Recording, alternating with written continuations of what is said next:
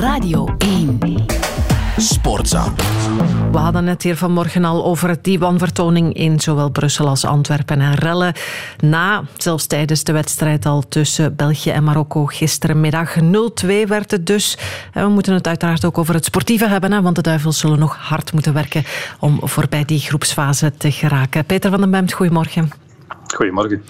Die wedstrijd, als we vergelijken met die tegen Canada, uh, toen speelden ze slecht, maar wonnen ze. En is het dan deze keer ja, wat omgekeerd, toch die iets betere match, maar dan zonder resultaat? Uh, in elk geval, het resultaat is helemaal anders. En het was allemaal een beetje beter. De Belgen hadden wat meer controle over de wedstrijd, over de tegenstander. Toch zeker ook in uh, de eerste helft. Uh, dat had te maken misschien met de gewijzigde veldbezetting, maar vooral ook met de, met de manier waarop Marokko de wedstrijd aanpakte mm -hmm. natuurlijk. Dat was anders dan Canada. De Marokkanen waren daar, hadden daar geen problemen mee dat België wat de bal had.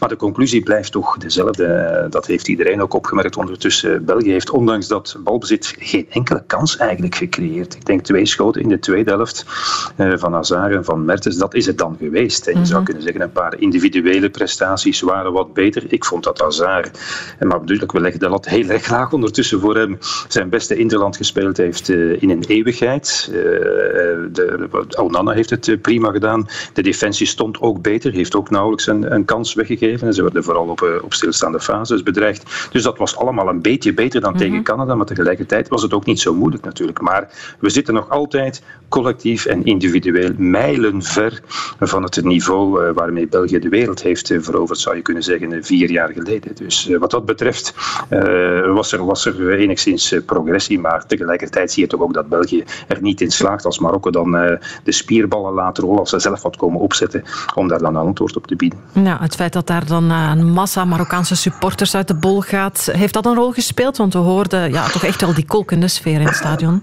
Ja, het was geweldig. De Marokkanen hebben er een thuiswedstrijd voor Marokko van gemaakt natuurlijk. Hè. Dus uh, wat betreft uh, Marokko zal dat zeker een rol hebben gespeeld. Ze werden gedragen door het publiek. En je, je ziet ook aan alles, en andere landen hebben dat ook. En dat zit niet in het DNA van de Belg. Ze spelen niet alleen voor de ploeg, maar voor het vaderland. Ze zijn doordrongen van een soort uh, verantwoordelijkheidsbesef, patriotisme, dat ons nu eenmaal vreemd is. De Belg kent dat toch niet. Dus wat dat betreft heeft dat een beetje in hun voordeel gespeeld. Maar kijk, het Belgisch elftal zit vol met spelers die al in de meest moeilijke omstandigheden aan dit soort uh, toestanden het hoofd hebben geboden. Mm -hmm. Dus uh, daar gaan we het niet zoeken. Nee, maar dat er onrust is, dat hoorden we wel na de wedstrijd. Hè? In die interviews, uh, wat er al dan niet gebeurde op het veld. We horen dat er nood is aan teambuilding. Is dat zo? Uh, dat is uh, minstens even erg, zo niet erger dan, uh, dan de prestaties die zijn geleverd. Dat er duidelijk een onvrede is binnen de spelersgroep. En, en oké, dat is niet ongebruikelijk als je zo lang, al zoveel jaren samenspeelt. Zo'n grote groep volwassenen, daar zijn altijd spanningen. Maar zolang je wint, steken die meestal de kop niet op natuurlijk. De ontevreden spelers zwijgen dan ook. Maar, maar dat België eigenlijk in, in gespreide slagorde, ik overdrijf misschien een beetje, die laatste wedstrijd tegen Kroatië moet aanvatten, dat is zorgwekkend. En, en er zijn een paar uitspraken gedaan die heel erg slecht zijn gevallen. Dat was duidelijk natuurlijk. De Bruine, die, die uithaal uh, tijdens de wedstrijd tegen ja. Canada, erna ook, die is slecht gevallen bij Alderweireld en bij Vertongen.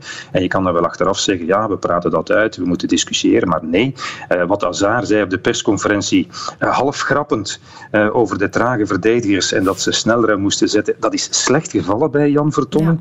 Ja. dat de Bruine blijkbaar ook in dat interview, al was het dan, heeft hij dat blijkbaar off the record gezegd, en stond het er toch in bij The Guardian, zei we zijn te oud om wereldkampioen te worden, enzovoort, enzovoort. Nu zegt Vertongen dan, ja, we hebben niets gecreëerd. Dat soort vingerwijzingen, publieke vingerwijzingen, dat is een heel slecht uh, teken natuurlijk. En dat, ik weet niet of je dat zomaar uh, weggepoetst krijgt op een paar dagen. Uh, dus ik zou zeggen, uh, wat ik zei, dat is minstens even slecht nieuws als uh, de, de, de vorm van de Belgen op dit moment. Ja, er is dan een barbecue, horen we, maar in elk geval vooral de ogen gericht op donderdag. Kroatië dan, toch een stevige tegenstander nog altijd. Gisteren nog met 4-1 van Canada gewonnen. Die kunnen scoren.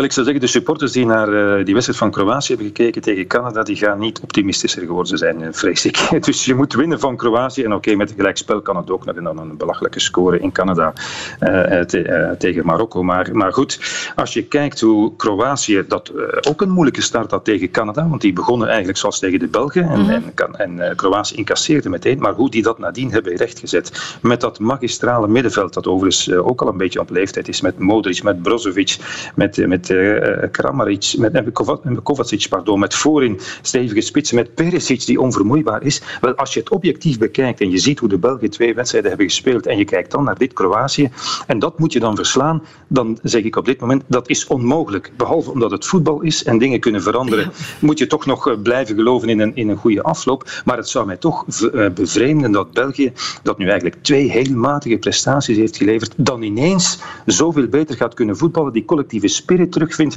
en de Bruine die ineens weer kan gaan voetballen, dat dat dan kan op een paar dagen om de Kroaten te verslaan. Laten we zeggen dat, uh, dat ze in elk geval heel slecht voorstaan. Dat is toch het minste wat je kan zeggen. Nou, weinig hoopgevend is dat. Als we toch nog even de coach erbij nemen um, en vooruitkijken, moet hij zijn vel al redden of is dat nog te vroeg?